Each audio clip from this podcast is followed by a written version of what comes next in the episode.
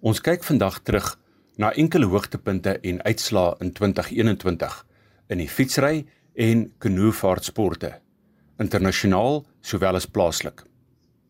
Ek noem eerstens die drie groot internasionale fietstoere wat in 2021 plaasgevind het. Die eerste groot toer was die Giro d'Italia wat tussen 8 en 30 Mei in Italië plaasgevind het. Dit was die 104de keer wat hierdie toer plaasgevind het en dit is vanjaar gewen deur Egan Bernal van die Ineos Grenadiers span wat sy eerste Giro titel verower het. Hy is ook die tweede Kolombiaan wat dit kon regkry nadat Nairo Quintana dit in 2014 vermag het. Die tweede van die groot toere was die 2021 Tour de France. Dit was die 108ste uitgawe van hierdie koning van padfietsrenne. Vanjaar se toer het tussen 26 Junie en 18 Julie plaasgevind en die wegspring in Frans, De Grand Depart, was in Brest in Frankryk. Die toer is vir die tweede agtereenvolgende jaar deur die Sloveense fietsryer Tadej Pogačar van die UAE Emirates span gewen en hy is die jongste ryer ooit om die toer 2 jaar agtereenvolgens te wen. Pogačar het die geel trui, die Malo Jaune, op die agste skof ingepalm toe hy 'n voorsprong van byna 3 en 'n half minute oor sy teenstanders opgebou het nadat hy op die voorlaaste bergklim segment op hierdie skof, die Col de Rome, 'n aanslag geloods het waarby sy teenstanders nie kon byhou nie. Die volgende dag, tydens die 9de skof, het hy 'n verdere 30 sekondes by sy voorsprong gevoeg in 'n skof wat bo op 'n berg geëindig het op die 10e. Gedurende die tweede week het hy konservatief gery voordat hy in week 3 aangeval het en twee skofte, weer eens skofte wat bo op berge geëindig het, ingepalm het. Pogačar het uiteindelik in Parys die wedren klaargemaak met 'n algehele tydsvoorsprong van 5 minute en 20 sekondes voor sy naaste teenstander Jonas Vingegaard van die Jumbo Visma span. Vingegaard se tweede plek op die podium in Parys lees op sigself soos 'n sprokiesverhaal. Sy aanvanklike rol in die span was die van 'n sogenaamde domestiek, oftewel 'n werker of voetsoldaat wat uitsluitlik na die belange van die span se voorste ryer Primoz Roglic moes omsien. Maar nadat Roglic geval en later in die toer moes onttrek het, het Vingegaard sy stal getoon en die nuwe leier van sy span geword. Derde in vanjaar se Tour de France was Richard Carapaz van die Ineos Grenadiers span. Hy was die eerste ryer van Ecuador wat onder die top 3 ryers in die Tour de France kon eindig. Mark Cavendish het vir die tweede keer in sy loopbaan die punteklassifikasie afdeling gewen. Pogačar het vir 'n tweede agtereenvolgende jaar ook beide die jong ryer afdeling asook die koning van die berge afdeling gewen. Die derde en laaste van die drie groot fietstoere in wêreldfietsry, die Vuelta a España, het van 14 Augustus tot 5 September vanjaar plaasgevind. Dit was die 76ste keer wat hierdie beroemde Spaanse fietsmaraton aangebied is.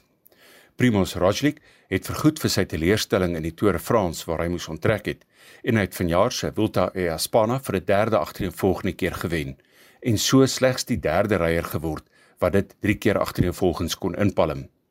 Hy het 2 minute en 42 sekondes voor sy naaste teenstander geëindig wat die grootste tydgaping tussen die eerste en tweede plek in hierdie toer in 24 jaar was.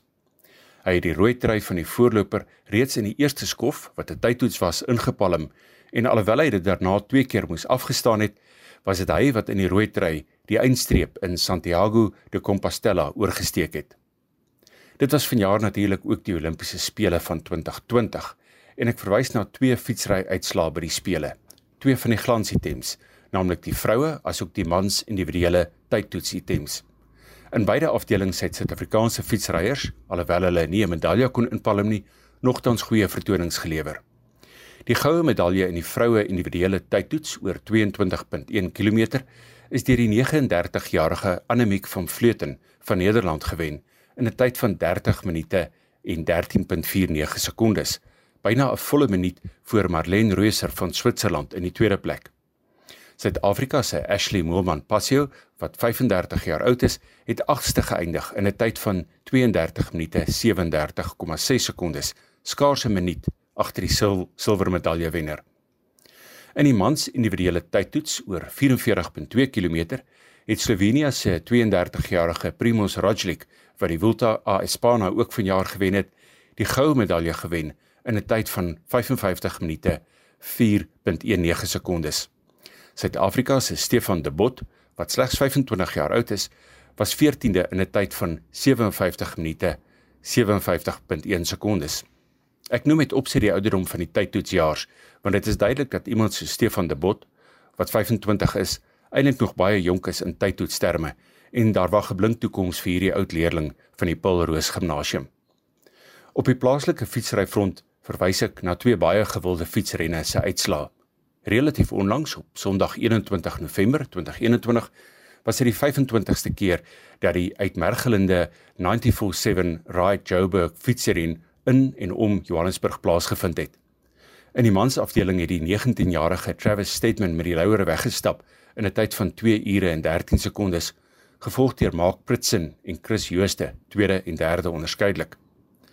In die vroue afdeling van hierdie wedren was daar chaos en verwarring toe die voorloper Emma Palant wel eerste oor die eindstreep gery het, maar beide sy en die wedrenmotor wat die roete vir die jaars moes aandui, het 'n verkeerde draai op die Kyalami motorwedrenbaan geneem wat aan haar 'n voorsprong op haar teenstanders gegee het. Dit het ongelukkig tot haar diskwalifikasie gelei en Ashley Moman Passio is toe as wenner in die vroue afdeling aangewys. Gepraat van uitmergelende fietsrenne. Die Cape Epic wat in Oktober 2021 oor 8 dae plaasgevind het, is vanjaar gewen deur die Suid-Afrikaanse maratonkampioen Matt Beers saam met sy spanmaat, die Franse bergfietsspesialis Jordan Sarro. Beers is die eerste Suid-Afrikaanse manswenner sedert Wyle Barry Stander dit kon regkry. Tweedens noem ek enkele hoogtepunte uit die kanoevaartsport in 2021. Op die internasionale toneel en spesifiek by die 2020 Olimpiese spele wat in Julie 2021 plaasgevind het, het Suid-Afrika se roeiers nie so goed as gewoonlik gevaar nie. Ons het 6 mansroeiers in Tokio gehad. Luke Daffin en Jake Green het in die mansdubbels 5de in hulle eiden geëindig in 'n tyd van 7 minute 4.03 sekondes en daarmee na die plaatgedeelte van die kompetisie deurgedring waar hulle vierde geëindig het in 'n tyd van 6 minute 57.01 sekondes. In die mans viers het Lawrence Britton, Kyle Skoonby, John Smith en Sandro Torrente vyfde in hulle eiden geëindig en uiteindelik in die plaatafdeling deurgedring na die nie medalje finaal waar hulle 10de geëindig het in 'n tyd van 6 minute 9 sekondes. Terloops Lauren Britton is een van twee Suid-Afrikaanse broers wat al Olimpiese medaljes in roei gewen het. En daar's twee verdere Britton broers wat ook toproeiers is. Hulle ma, Dr. Danielle Britton, is die spandokter vir die Suid-Afrikaanse roeispan en sy het verlede jaar 'n outobiografie gepubliseer wat ek vroeg in 2022 in een van my tussen die sportblaaie bydraes sal bespreek. Op die plaaslike roeitoneel in die Dusi Canoe Marathon in KwaZulu-Natal het Andy Burkett in Februarie 2021 koning gekraai in die senior mansafdeling in 'n tyd van 8 uur 3 minute en 54 sekondes. In die tweede plek was Hank McGregor 21 minute na Burkett in 'n tyd van 8 uur 24 minute 52 sekondes en Dave Evans derde in 'n tyd van 8 ure 34 minute en 1 sekond. In die senior vroue afdeling was Caitlin McKenzie eerste in 'n tyd van 9 ure 42 minute en 6 sekondes. Tweede was Jordan Peak in 9 uur 48 minute en 20 sekondes en derde was Bridget Hartley in 9 ure 48 minute en 20 sekondes. Hartley het natuurlik 'n bronsmedalje gewen by die 2012 Olimpiese spele in Londen in die 500 meter enkelkajak item. Die ander groot kanoevaartwedren op die Suid-Afrikaanse kalender het in Augustus 2021 plaasgevind, toe dit die beurt was van die 60ste Bergrivier Kanoe Marathon. En ook hier was daar volop aksie en drama, veral in die vroue afdeling. Hierdie 60ste weergawe van die Bergrivier Kanoe Marathon het ook vir 'n unieke gebeurtenis gesorg toe die mansafdeling deur Andy Burkett gewen is om hierdie titel, titel te voeg by sy Dusi titel van vroeër in 2021 terwyl die vroue afdeling deur Nikki Burkett gewen is. Dit was die eerste keer in die Bergrivier Kanoe Marathon se geskiedenis dat 'n egpaar die mans en vroue afdelings wen. Andy Burkett het die mans afdeling in 'n tyd van 17 uur 27 minute en 24 sekondes gewen, terwyl Hank McGregor net soos in die Dusi in die tweede plek geëindig het nadat hy 'n oordeelsfout by 'n boomblokkasie in 'n rivier begaan het. Dit was Andy Burkett se tweede Bergrivier titel nadat hy in 2014 ook eerste in hierdie beroemde kanoe maraton geëindig het. Nikki Burkett en sommige van die ander vroue roeiers wat kort op haar hakke was, het eweneens 'n oordeelsfout by 'n draaggedeelte van die maraton by oordraaplek begaan en dit was slegs vir beter roeiwerk deur haar wat haar aan haar voorsprong laat klou het. Nikki Burkett se wentyd was 20 uur 40 minute en 54 sekondes. Tweede in die vroue afdeling was Jordan Peak wat vroeër die jaar ook tweede in die Dusi was en in die derde plek was Bianca Bewitt. Nikki Burkett se verbeter roeiwerk teen die einde van die maraton teen die inkomende golwe by Veldrif waar die maraton eindig sal nog lank onthou word deur hulle wat bevoorreg was om haar in aksie te sien. Dit is Heinrich Schulze in Pretoria vir RSG Sport.